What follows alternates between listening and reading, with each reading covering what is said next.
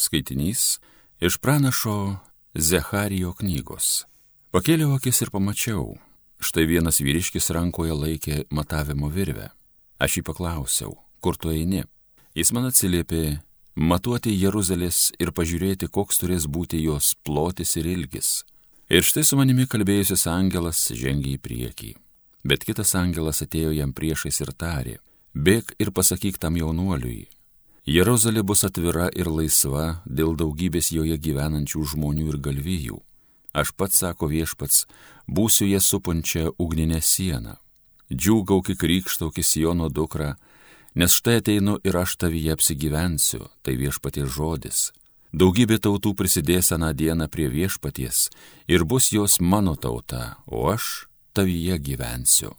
Tai Dievo žodis.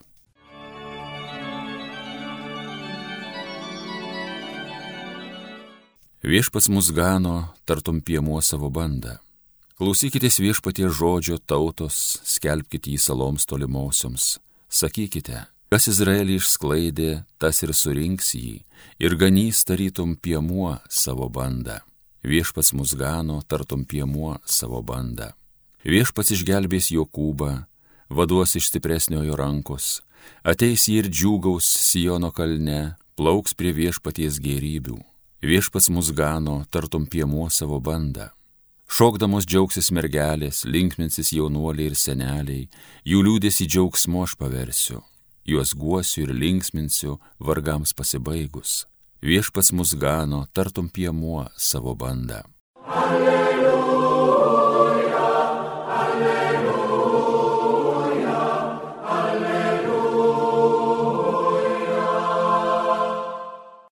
Mūsų išganytojas Jėzus Kristus sunaikino mirtį ir nušvietė gyvenimą savo Evangeliją.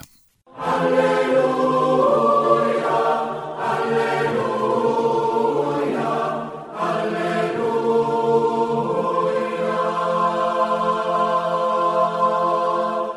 Viešpats su jumis. Pasiklausykite Šventojios Evangelijos pagal Luką. Visiems stebintis Jėzaus darbais jis prabilo į mokinius Įsidėmėkite gerai mano žodžius. Žmogaus sunus turi būti atiduotas į žmonių rankas. Mokiniai nesuprato šios kalbos, jos reikšmė liko jiems paslėpta, taip kad jie neišmanė jos ir bijojo klausinėti Jėzų apie šitą kalbą. Girdėjote viešpati žodį.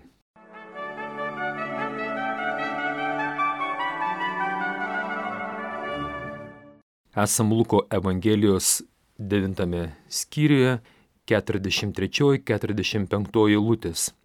Prieš tai Luko 9 skyriui 37-40 eilutėse aprašyta, kad Jėzus buvo išgydęs berniuką, išvarydamas iš jo demoną.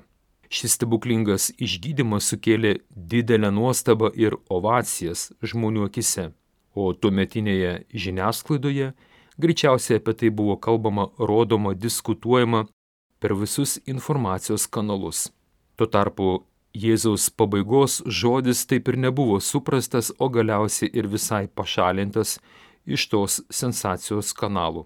Jėzus matydamas, kad su minė nėra prasmės toliau diskutuoti, kreipėsi į savo mokinius, bandydamas išaiškinti visų tų stebuklų išgydymų prasme. Jėzaus tikslas nėra laimėti politinių reitingų, tapti įžymių ar garsių.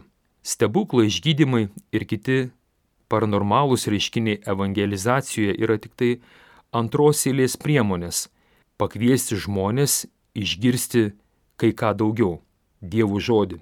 Jėzaus žodis yra apie kryžių. Kaip vėliau vienas iš Jėzaus mokinių apaštalas Paulius rašys, Žodis apie kryžių tiems, kurie eina į pražūtį, yra kvailystė, o mums mokiniams yra Dievo galybė. Pirmas laiškas korintiečiam, pirmas skyrius, 18 eilutė. Žydai reikalauja stebuklų, graikai, tai yra mes europiečiai, ieško išminties, logikos, o Jėzus skelbia kryžių ir save, kuris turi būti nukryžiuotas. Šioje vietoje atkreipkime dėmesį į mūsų Lietuvos situaciją. Dabartinė pasaulio žiniasklaida, valdantieji, kaip ir Jėzus laikais, kryžių savęs išsižadėjimą klusnumą Dievo tvarkai, jo meilės įsakymui laiko kvailystę, papiktinimu ir žmogaus laisvių teisų apribojimu. Bet kokį sveiko proto argumentą, Jėzaus žodį, kuris prieštarauja jų įsitikinimams, laiko grėsme ir netolerancija. Paskutiniu metu net bandoma Dievo žodį kriminalizuoti, pritaikant vieną ar kitą baudžiamojo kodekso straipsnį. Tokios realybės akivaizdoje turime pasirinkti, kam atiduosime savo tikėjimą - žmonėms, jų logikai ar Jėzui. 9 skyriaus 44 eilutėje tie žodžiai įsidėmėkite gerai mano žodžius reiškia įdėk, įtvirtink žodį savo dėmenyje, protė sąmonėje ir pasąmonėje. Gerai ir atsakingai pasiek Jėzaus žodį tinkamoje dirboje, kad atskridė įvairūs spalvoti gražus paukščiai, pasaulio propaganda, gyvenimo rūpešiai, turtai gerbuvis, sėkmės ar nesėkmės neužgoštų Evangelijos esmės.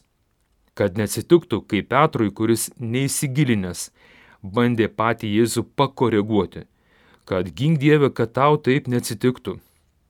Paskui Petrui teko raudonuoti išgirdus netolerantišką mokytojų atsakymą Eik šalin nuo manęs šetonė, nes mastai ne Dievo, bet pasaulio mintimis. Morkaus Evangelija, 8 skyrius 31 eilutė. Mūsų Evangelijos 45 eilutėje skaitome, mokiniai nesuprato šios Jėzaus kalbos. Užduokime savo klausimą, ar nesuprato, ar nenorėjo suprasti. Kai Petras ar Judas Iskarijotas, kai atsisakai suprasti, priimti kitokią tiesą, kuri netitinka tavo lūkesčių ar planų. Kai renkuosi, apsisprendžiu likti už nežinojimo ar baimės uždangos, man lengviau ant sąžinės, kaip sako žmonės, vėliau daryti gyventi pagal savo programą valią, kuri yra patogesnė ir žada, kad ir mirti, bet be skausmo. Teismo dieną netgi turiu jau paruoštą alibi, kodėl pasielgiau blogai. Panašiai kaip tas tarnas tinginys, kuris žmogaus sūnų teisinusi. Šeimininkė, aš žinojau, kad tu žmogus kietas pjauni, kur nesėjai, renki, kur nebarstei. Pabijojęs nuėjau ir paslėpiau tavo talentą žemėje. Va, imk, kas tavo. Iš Mato Evangelijos 25 skyriaus 24-25 eilutės. Esame kviečiami atsakyti į šį klausimą. Ar renkuosi būti politkorektišku, būti kaip visi, tiesiog ignoruoti Dievo žodį ten, kur jis man yra nepatogus, ar dabar visuomenė nepopuliarus, ar renkuosi kartu su Jėzumi nueiti kryžiaus kelią, ištariant žmogaus sūnui.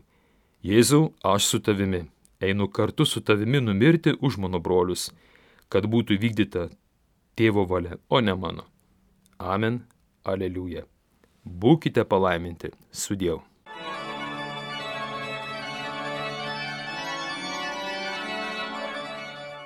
Homilija sakė brolis pranciškonas kunigas Paulius Vaineikis.